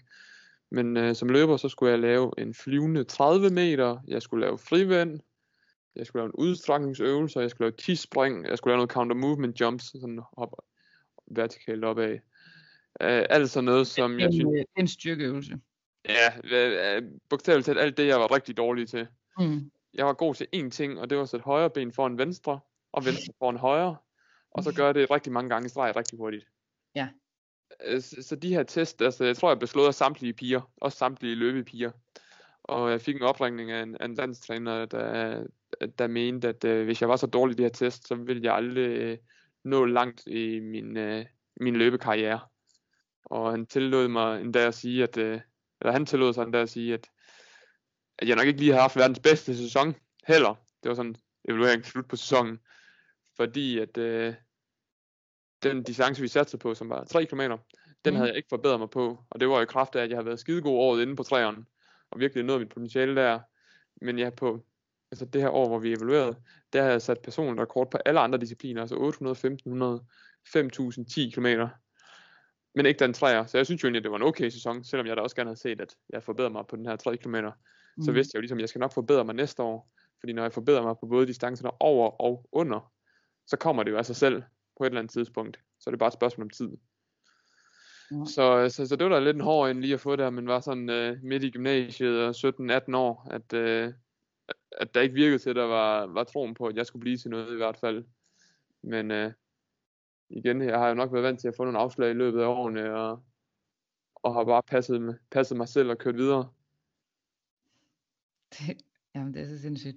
Det- Du sagde også det her til mig med, at, altså fordi det, det, det er også noget, jeg selv har tænkt over, øhm, med at, at test jo aldrig kan stå alene. Altså, øhm, for eksempel lige nu, der har jeg en, en, øh, en baglårsskade, eller hvad skal man sige, jeg mærkede et riv i, i, en, øh, i en kamp, øhm, og hvad hedder det, og blev så scannet, og der var en lille forstrækning, en lille muskelfiber, øhm, men hvad hedder det, her de seneste dage har jeg mærket ingenting, og jeg har bare lyst til at komme i gang, men, men klubben er sådan, øh, ej, vi skal passe på, og der var jo den her scanning og sådan noget, men det her med, at, hvad skal man sige, scanningen kan jo ikke tale for sig selv, altså det er jo også min følelse af det, og omvendt så, hvad skal man sige, min følelse kan være sådan og sådan, og så kan scanningen vise, at der ikke er noget, og så, altså, men det her med, at, at tingene ikke kan stå alene, og det synes jeg bare er meget godt sagt i forhold til, at altså, et testresultat i, om du er god til det ene og det andet, det giver ikke nogen mening i forhold til, at hvis du er bedst til det, du skal gøre, og sætte den ene fod foran den anden, så er det det, der tæller. det er jo altid en helhedsvurdering. Man kan ikke... Øh, altså igen, de der tests siger jo et eller andet, der, og der var helt sikkert... Øh, man kunne også vende om at sige, at der var virkelig meget forbedringspotentiale i forhold til, at jeg løb rigtig godt på, på det tidspunkt. Jeg, jeg vandt danske juniormesterskaber, så et eller andet må jeg jo gøre rigtigt, kan man sige. Så man kunne også have prøvet at tage den vej, der hed, at okay, du har egentlig ret meget forbedret på her, og du løber allerede så godt. Det, det kan blive ekstremt godt. Så man skal altid sammenholde det, man, altså, altså det, man egentlig bruger. Man kan være nok så stærk også i en styrketest, men øh, hvis man ikke kan omsætte det på håndboldbanen, så når, så når man jo heller ikke, altså, så når man Nej. jo ikke lige så langt. Altså omvendt, så er der sikkert nogen, der er dårligere i styrke, men som er virkelig god til at stå på de rigtige øh, steder, det rigtige tidspunkt på, på banen. Ja, og dem Og- hader jeg. Altså, jeg, jeg er så stærk i styrke, og så er der bare min holdkammerat, der bare kan, whoop, så sætter de bare en finte, og det fucking irriterende, men ja, det er jo for fanden det, de skal kunne. Og så kan jeg stå der og løfte nok så mange kilo, og det, ja, det er jo ikke lige meget. Og det kan jo også, altså det kan jo også være godt, og det kan jo også måske have forskånet mig for nogle skader. Men man kan godt nogle gange føle sig dum. Øh, og hvad hedder det? Nu snakker jeg med, der er en anden episode af, af Atleter Uden Filter med René Holten Poulsen, som er kajakroer. Og han fortalte faktisk, at han øh, forbedrede sig med 50% i nogle af hans styrkeøvelser. Altså, og det er, jo, det er jo sindssygt meget. Ja, det er helt vildt. Men blev faktisk, altså var blevet en dårligere roer. Øh, og det var så, vi snakker rigtig meget om det mentale, øh, og hvor meget det betyder. Og, og det synes jeg jo bare er et udtryk for, at ja, øh, ting kan bare ikke stå alene. Test kan være godt, men, men det kan bare ikke, øh, det kan bare ikke til, fortælle den fulde sandhed. Nej, over, overhovedet ikke. Og i sidste ende, øh, det man bliver målt og vejet på, det er den konkurrence eller den kamp, man er i. Og det, og det er den, man skal være dygtig til. Altså alt andet er, er rigtig fint, og, og det kan være et pejlemærke og en, en guideline. Men i sidste ende, så er det det inde på banen eller på, på landevejen, der, der tæller. I hvert fald i vores øh, verden. Ja, altså, øhm, hvad vil du så sige, din styrke er? Fordi, altså, du fortalte mig det her med, at du, ja, du er god til at måske ikke altid at give en fuck, eller i hvert fald god til at, at takle nederlag og sådan noget. Kan du fortælle lidt mere om, om det? Ja, jeg tror altid, øh, altså, både det her med, fordi jeg har haft, haft modgang med, med flere ting, altså øh, både på sporten og også øh, andre steder, at jeg har lært at finde ud af, okay, at man kan selvfølgelig godt være, være ked af det, og man kan godt være skuffet, og man kan godt turmule, men på et eller andet tidspunkt, så, så nytter det bare heller ikke. Så må man prøve at omsætte det til noget konstruktivt, og bruge det som noget, noget motivation.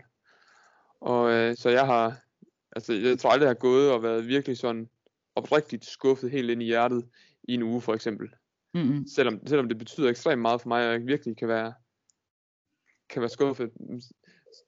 Selvfølgelig tænker man sådan en gang imellem på det, når for tre uger siden, det var ikke mit verdens bedste løb. Og jeg håber snart, der kommer et løb, så jeg kan vise, at jeg er bedre, end det jeg var da. Men det er ikke sådan, jeg tænker, at jeg, at jeg får sådan et, et mentalt dyk af det. Mm-hmm. Og jeg, det er nok bare, altså, det er jo, folk er jo meget forskellige, hvordan de takler sådan nogle ting her, og jeg, og jeg har nok bare valgt at sige, at det er oftest, jeg må være sur den dag, det sker på, måske dagen efter. Og så, så starter der altså en ny dag med, med nye muligheder, og så må vi se, hvad vi kan, hvad vi kan gøre. Og så hjælper det jo nok, at jeg også løber, fordi jeg synes, det er dejligt at gå ud og bevæge mig, og dejligt, at, at jeg bare synes, det er rart. Altså jeg ikke kun gør det for resultatets skyld, selvom det selvfølgelig er blevet en, en stor del af det, Ja. den af vejen. Så, øh, og så tror jeg også bare meget det der med, at øh, hvis jeg skal gå og tænke på, hvad alle andre siger hele tiden, øh, så har jeg simpel, så kan jeg både have dårlig samvittighed, og så kan jeg tænke mig selv ihjel med, hvad de tænker. Så det er nemmere bare at, at kontrollere eller gøre det, man selv kan, hvad, hvad have over, og det er, at man, man kan gøre de ting, man synes virker godt for en, og man kan gøre de ting, man har lyst til. Og i mit tilfælde har det så været at, at træne meget og, og gøre mit bedste for at blive, for at blive endnu bedre.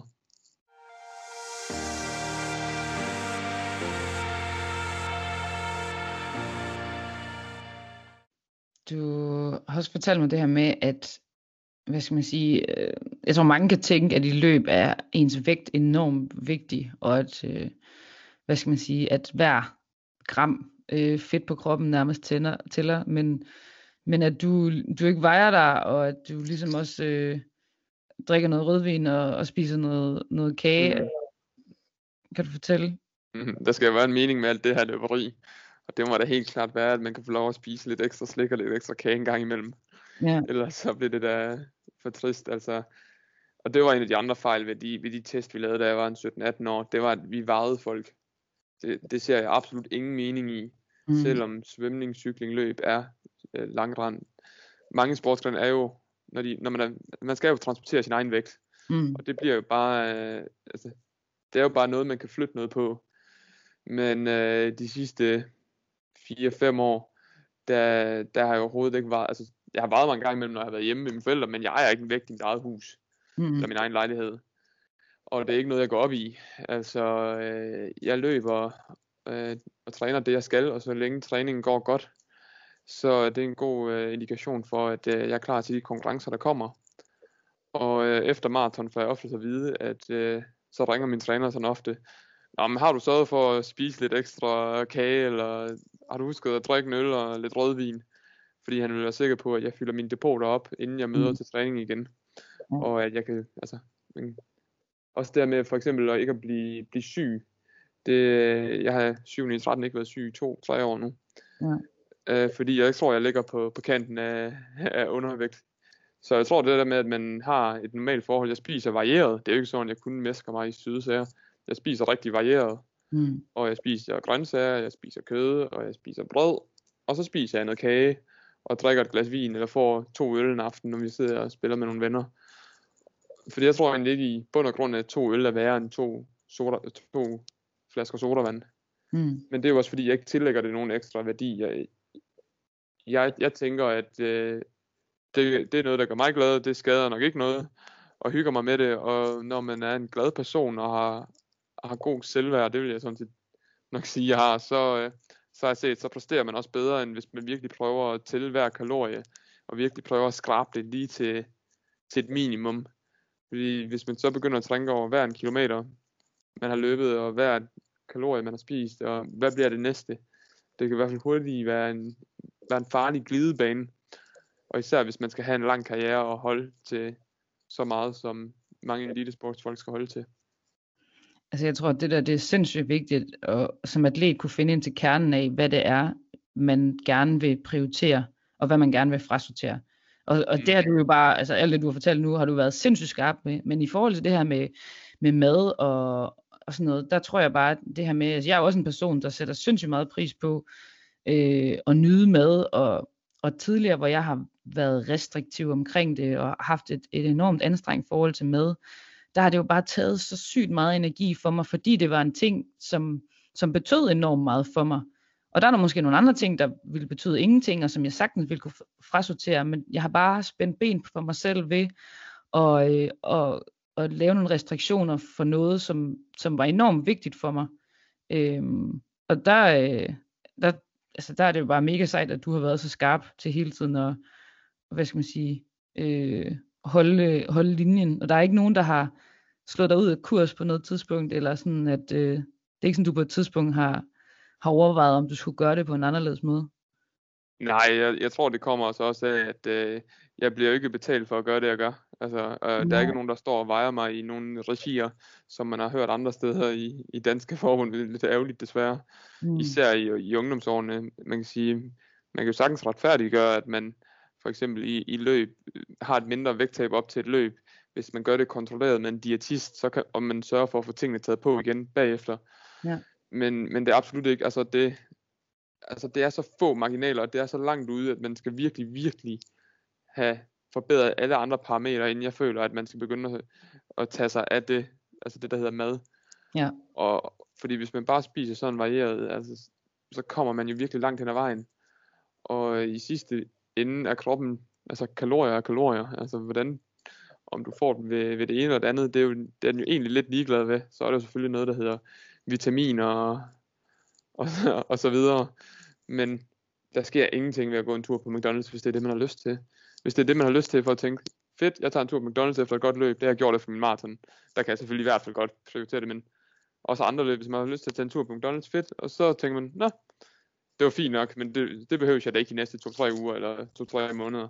Så har man ligesom også stillet den frist, i stedet for at man går og tænker over det. Og det har det samme lidt været med at gå i byen.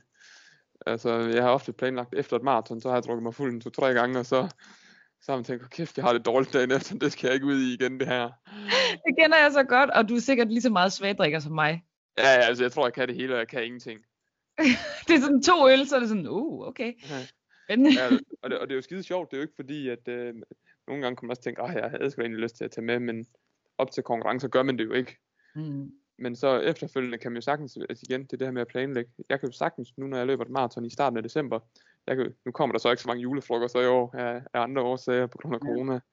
Men jeg kunne jo sagtens have taget med til en masse julefrokoster og sagt, okay, resten af min december måned går på bare at spise og drikke alt det, jeg har lyst til. Og så ved jeg, at i januar, når jeg, skal, når jeg tager til Kenya, så kommer der andre boller på suppen igen. Jeg tror, altså den vigtigste lesson, jeg ligesom har lært, det er det der med, at du kan gøre alting med måde. Altså, i hvert fald i forhold til, til kost. At øh, det handler ikke om alt eller intet, eller om noget er usundt eller sundt. Øh, fordi jeg har også prøvet, at så, jamen, så måtte jeg ikke spise chokolade, men så, så lavede jeg en eller anden sund kage med, øhm, eller i, i øh, gåsøjne sund kage med avocado og kokosolie og hvad fanden der lort det ellers er puttet i. Som sikkert havde, havde dobbelt så mange kalorier, som hvis jeg havde spist det chokolade, jeg gerne ville have. Øh, og stadig ikke var blevet tilfreds, fordi at det jo ikke smagte særlig godt. Øh, Nej og, og det, altså, når jeg tænker på det nu, ej, var det åndssvagt. Men det der med, at, at hvis man kan finde den balance, hvor man ligesom kan formå at sige, okay, lige nu er jeg sulten efter chokolade, så nu spiser jeg nogle stykker chokolade. Jeg craver ikke en hel pakke, men jeg spiser indtil jeg er tilfreds, øh, og, så, øh, og så lader jeg det ligge, og så, øh, så spiser jeg noget andet øh, bagefter. Altså sådan, det, øh, det er godt nok skørt at tænke på nu. Ja, der skal, der skal være mening med dem laver, det er jo en, en sådan naturvidenskabelig uddannelse, uddannelse, jeg har i gang med, så altså det der med at være altså, sund og usund, Mm. det er jo en ekstremt svær ting, fordi man kan sige, øh, hvis man, jeg kan huske, nu kommer der en lille anekdote fra før- første gang, jeg løb under 14 minutter på, på 5 km tilbage i 2014, Mm. der stod jeg, øh, jeg boede på et hotel, øh, hvor der ikke var noget som helst. Og til middagsmad, jeg bare spise noget øh, pastasalat og lidt kylling og sådan fire timer før mit løb. Og der var ingenting. Og jeg vidste godt, at hvis jeg skal præstere i det her løb, så skal jeg have, nogle, jeg skal have noget energi, jeg skal have noget for, at forbrænde. Og Ja. det de havde, det var en pizza. Ja. Så tænkte jeg, okay, afvejelsen blev ingen mad eller pizza. Og i det her valg, vil, det sunde valg er jo at tage pizzaen. Fordi Mm. mm. det har været usundt ikke at løbe på noget og løbe på tom mave. Klart. Så, øh, så, så det, er en- det er en meget, mm, ja, det er en meget øh, kompliceret debat om, hvad der er sundt og usundt. Og hvis man har haft en virkelig hård træning, og man, altså, jeg ved, at der er nogle af de danske maratonløbere tilbage i 80'erne, der stod træneren klar med, med en cola og en pose Haribo, fordi det skulle han indtage, inden han måtte øh, øh, jogge af, fordi, man skulle sørge, fordi han skulle øh, fylde sin øh, lager så hurtigt igen, fordi han skulle kunne holde til at træne igen. Ja. Så, øh, men, men igen, jeg er helt enig med det, du siger. Altså, lad være med at gå til ekstremer, lad være med at gå fanatisk til værks. Man må gerne spise rigtig sundt, og man må gerne spise lidt usundt en gang imellem. Altså, have det godt med det, og, og, og gøre det til, gør det med måde. Altså jeg i hvert fald, altså jeg havde et, et billede af, at hvidt brød og hvid pasta for eksempel var usundt. Så det skulle jeg ikke have. Det er det eneste, jeg spiser. Ja, præcis. Og det her med, at, øh, hvad hedder det, sådan inden kamp og sådan noget, og ja, også bare inden træning, altså så, jeg skulle ikke have noget lyst brød. Så det var bare det groveste, det groveste med fiber og fuldkorn og sådan noget. Og jeg siger der min mave nogle gange, altså, Mm.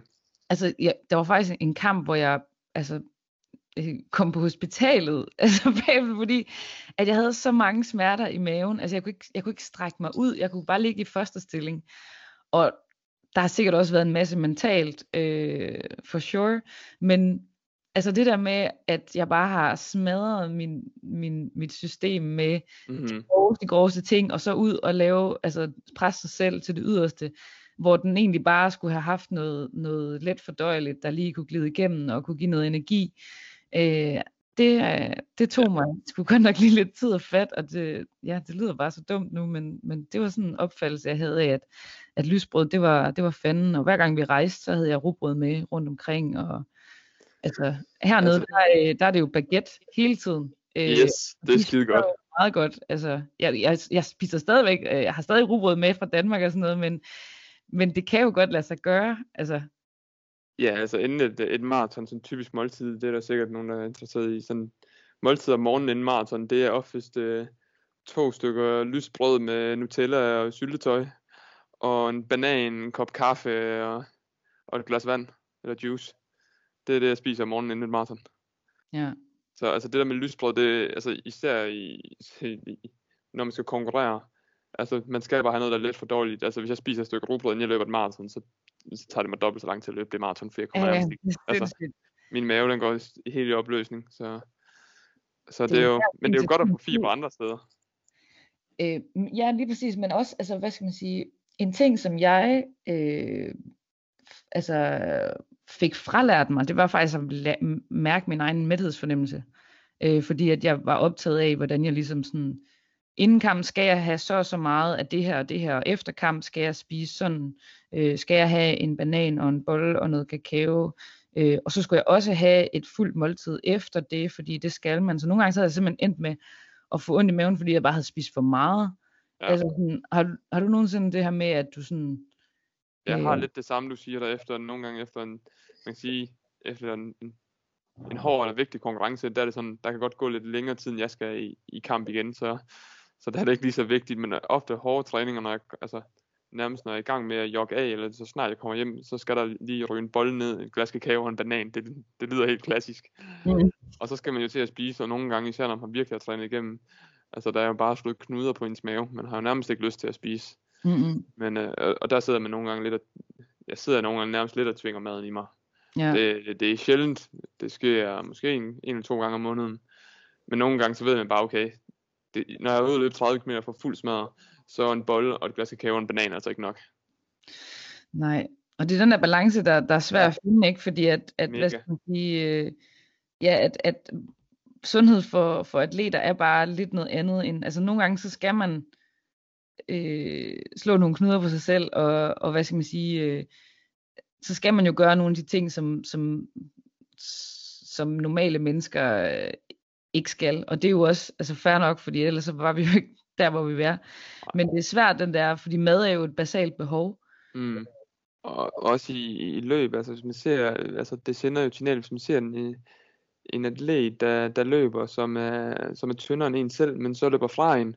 Altså det signal og det, det tankegang, det må sætte gang i hovedet på en. Altså det, det kan jeg jo godt sætte mig ind i, og det er jo ekstremt farligt. Mm. Og derfor øh, bør man også lave en eller anden form for regulativ på fra Team Danmark niveau, hvor, hvor vi kan komme det her lidt, lidt bredere til livs, fordi jeg ser bare desværre med sociale medier en tendens, hvor det går den gale vej for mange.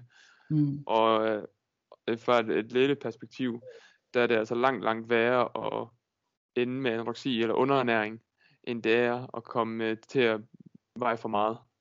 Ja. Fordi veje for meget, det skal du nok komme ud af igen. Altså det, det kan du træne dig ud af at spise. Altså hvis du først går i sådan en rigtig underernæret tilstand, altså det er et, det er en, anoreksi er en psykisk sygdom. Mm.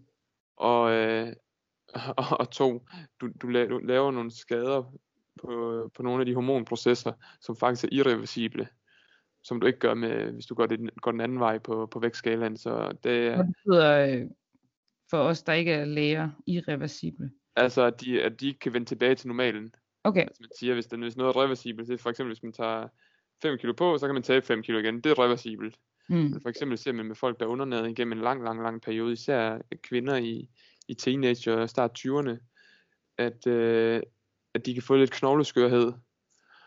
Og det er jo ikke særlig fedt. Altså, fordi når man først har fået tilstanden knogleskørhed, det er ikke sådan, at man kan spise en masse kalk og spise sundt resten af sit liv, for så, så vender man tilbage til normal knogletæthed.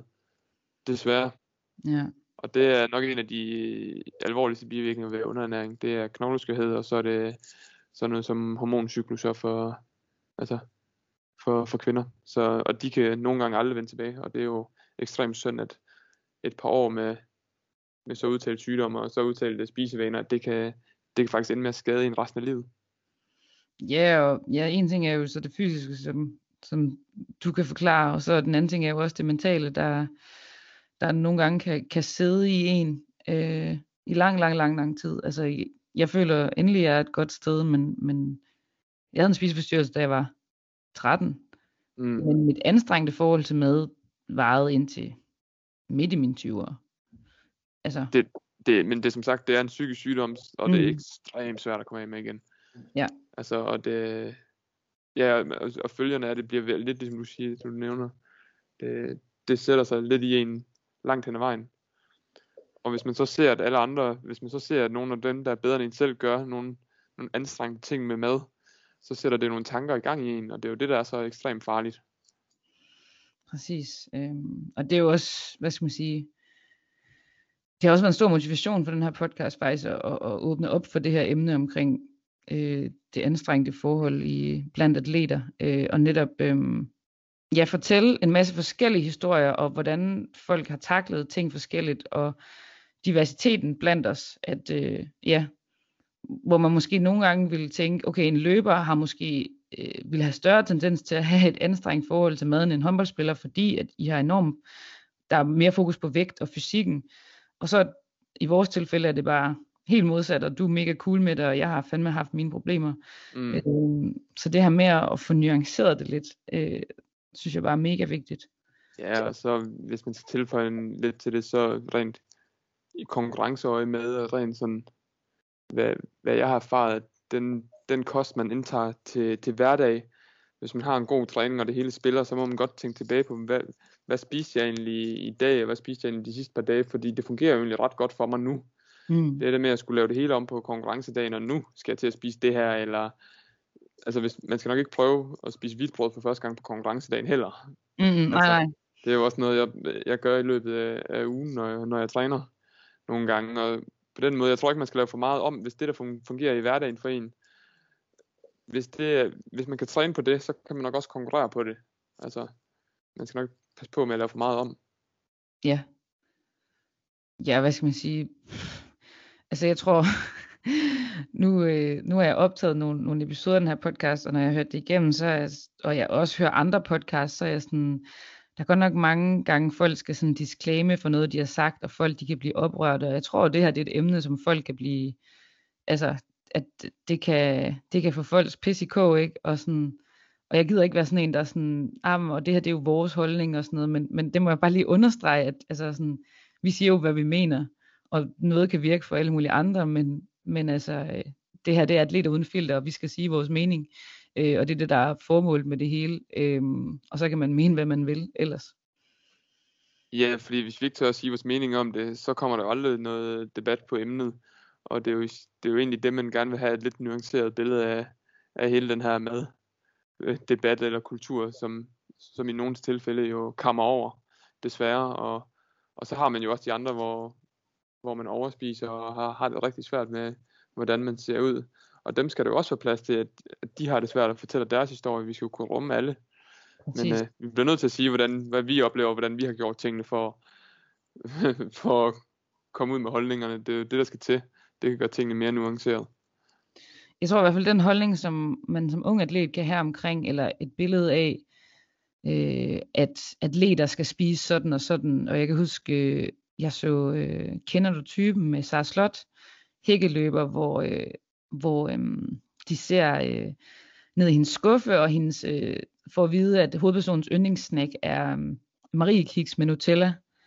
Og så en af livsstilseksperterne siger sådan, øh, jamen, så er det i hvert fald ikke en, jeg havde ellers et billede af, at det var en atlet, der boede her.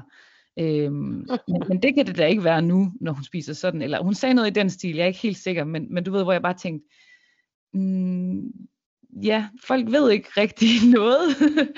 og netop, man kunne næsten til først at sige, at sådan, jo, det er lige præcis en atlet, der bor der. det kan jeg i hvert fald godt genkende. ja, præcis.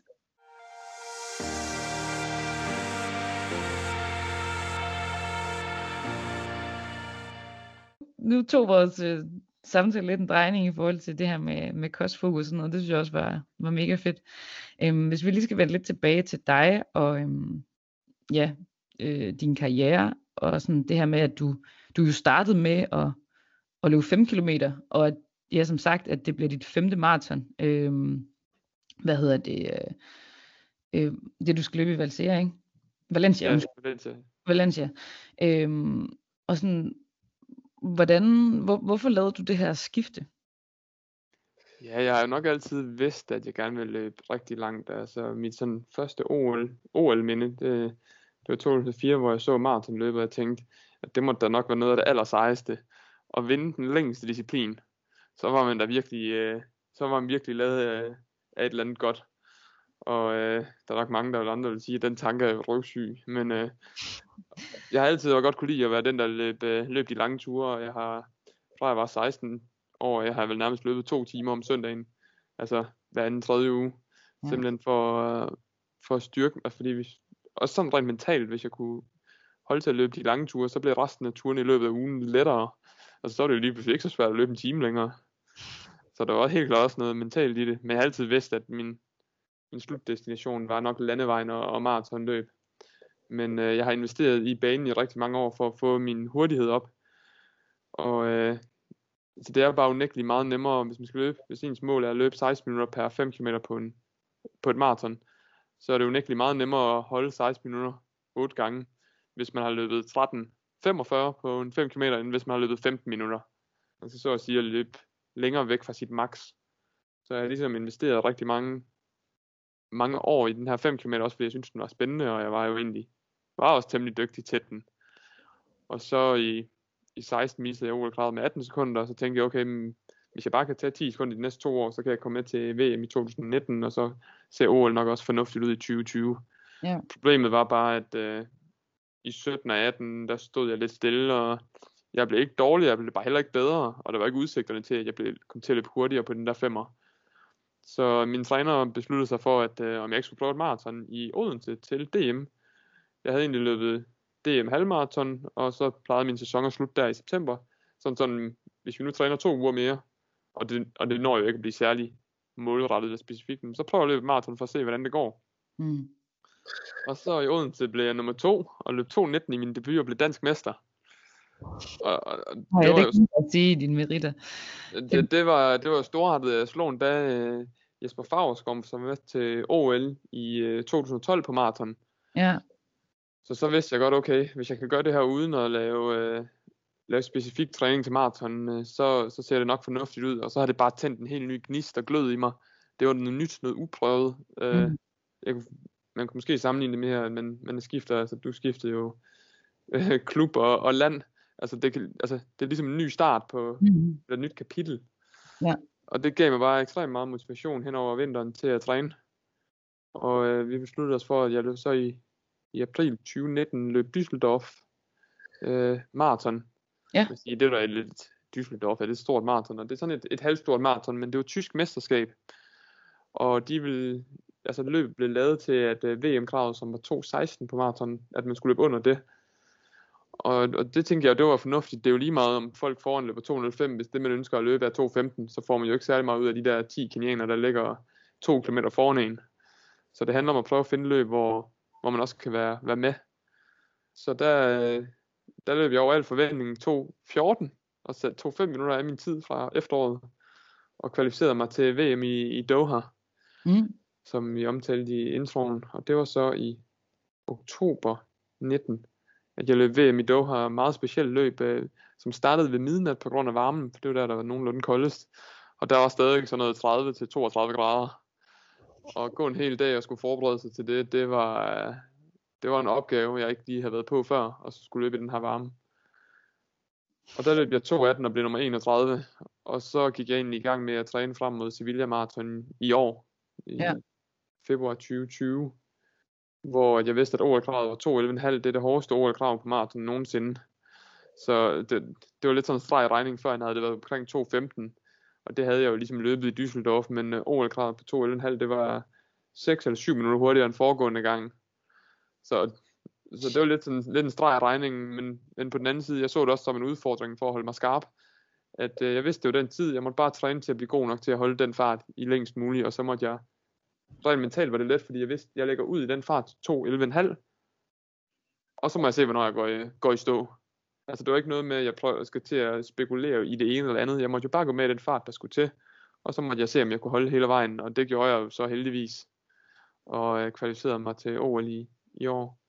Og så OL maraton skulle have været mit femte maraton, men øh, OL blev udskudt, og så øh, valgte vi at tage Valencia her i, i december 2020 som mit femte maraton, og så bliver OL nok forhåbentlig mit sjette maraton. Ja.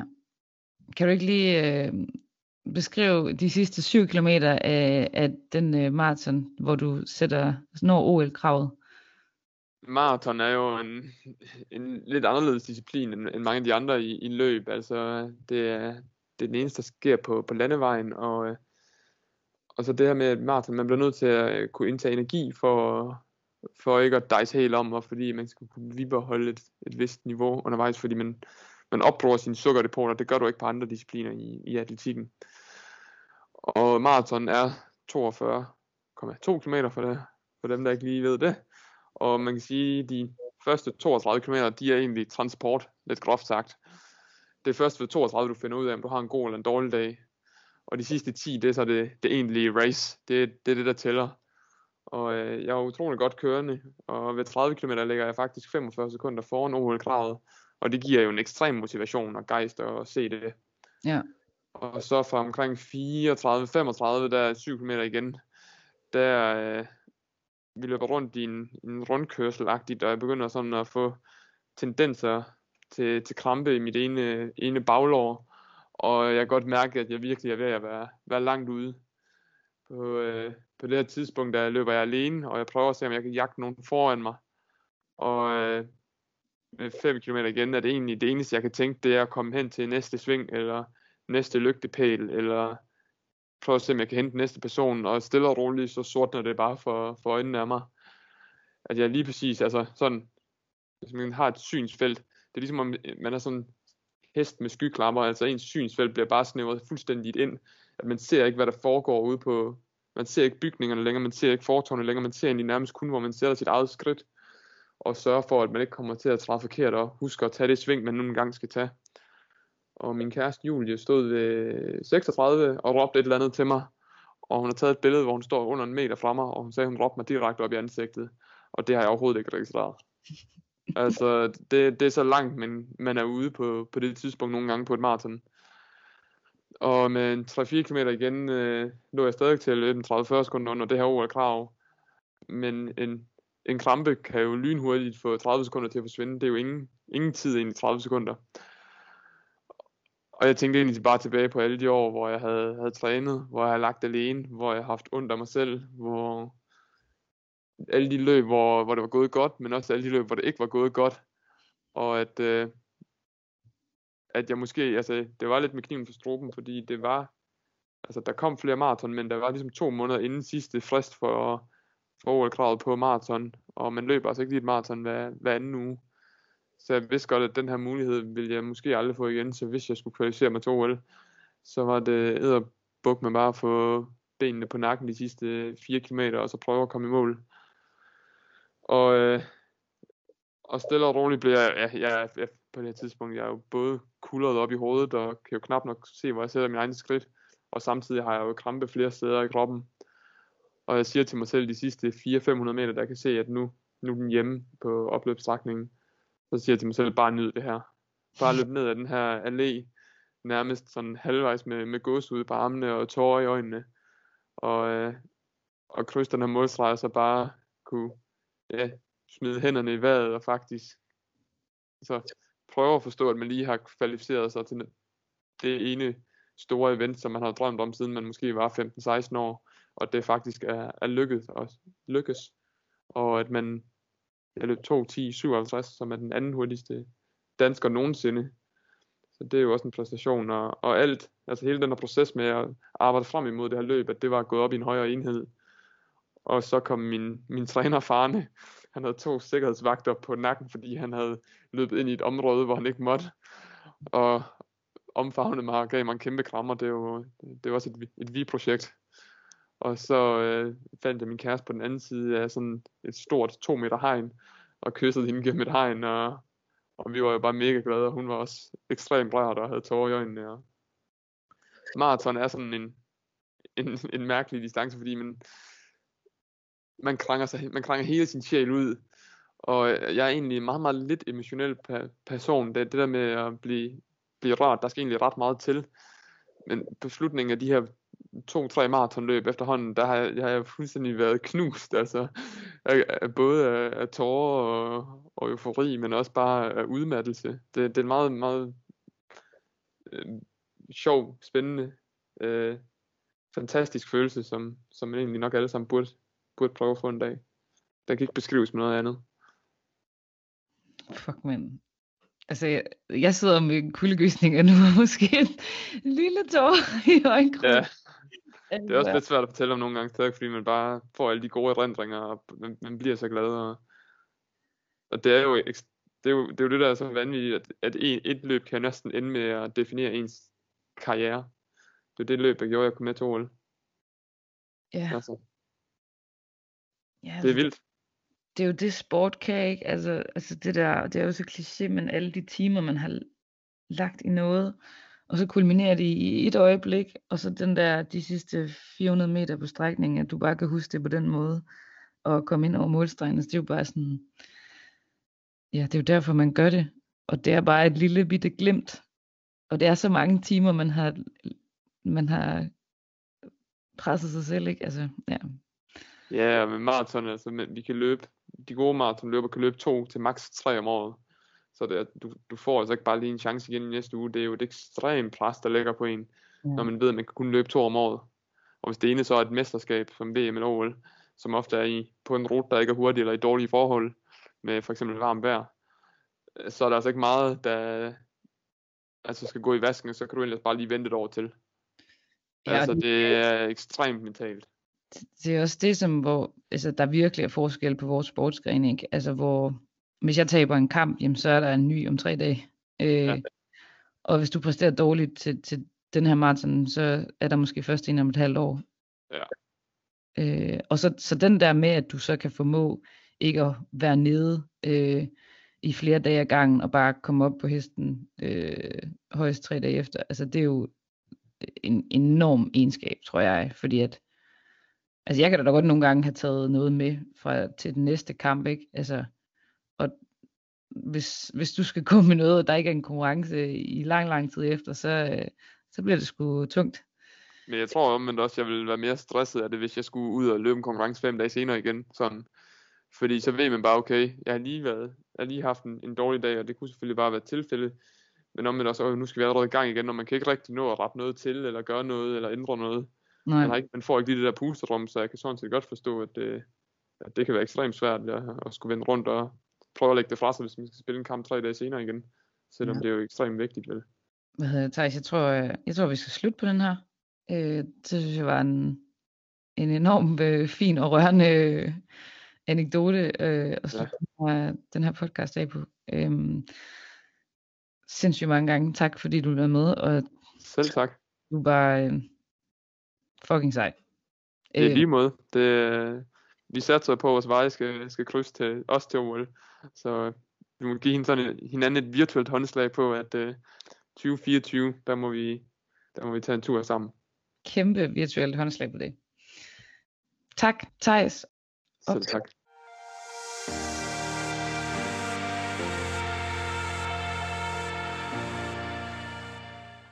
Det var episoden med Thijs Nøjaus. Og øh, Ja, jeg kommer nok til at sige det her efter hver episode øh, af Atlet Uden Filter, men øh, hvor han bare fucking sej. Øh, og det har været sjovt at følge. Øh, altså, det derfor har kendt ham i, øh, ja, nu 11 år, og, øh, og at nu er han endelig nået øh, målet om at komme til OL. Og jamen, jeg synes, han er sygt inspirerende, hvordan han har formået at skære ind til benet øh, med alt i hans liv omkring øh, at løbe og så den her historie om hans, hvordan han klarede OL-kravet, altså den gav mig seriøst kuldegysninger, og, og faktisk også en tårer øh, i øjnene. Så øh, kæmpe, kæmpe tak til Tejs, og jeg glæder mig sygt meget til at følge ham til, til OL i øh, 2021. Øhm, så vil jeg gerne sige tak til øh, sponsoren på den her podcast, som er Sport24 og H-Shop. Og tak til TV2 for øh, at låne mig klippene til, øh, til introen. Øh, det var alt for den her gang. Jeg håber, at du vil lytte med næste gang. Og husk, hvis det er, at øh, du har nogle øh, spørgsmål eller øh, ting, du gerne vil spørge øh, Thijs om os, øh, så kan du skrive til mig øh, i en øh, DM inde på Instagram. Øh, jeg er spændt på at høre øh, fra jer, men jeg håber også, at hvis du synes, det er nice det her, og at øh, du føler, at du kan bruge det til noget, at øh, ja, så smid en kommentar, så øh, bliver jeg rigtig glad. Ha' det rigtig godt derude. Vi ses.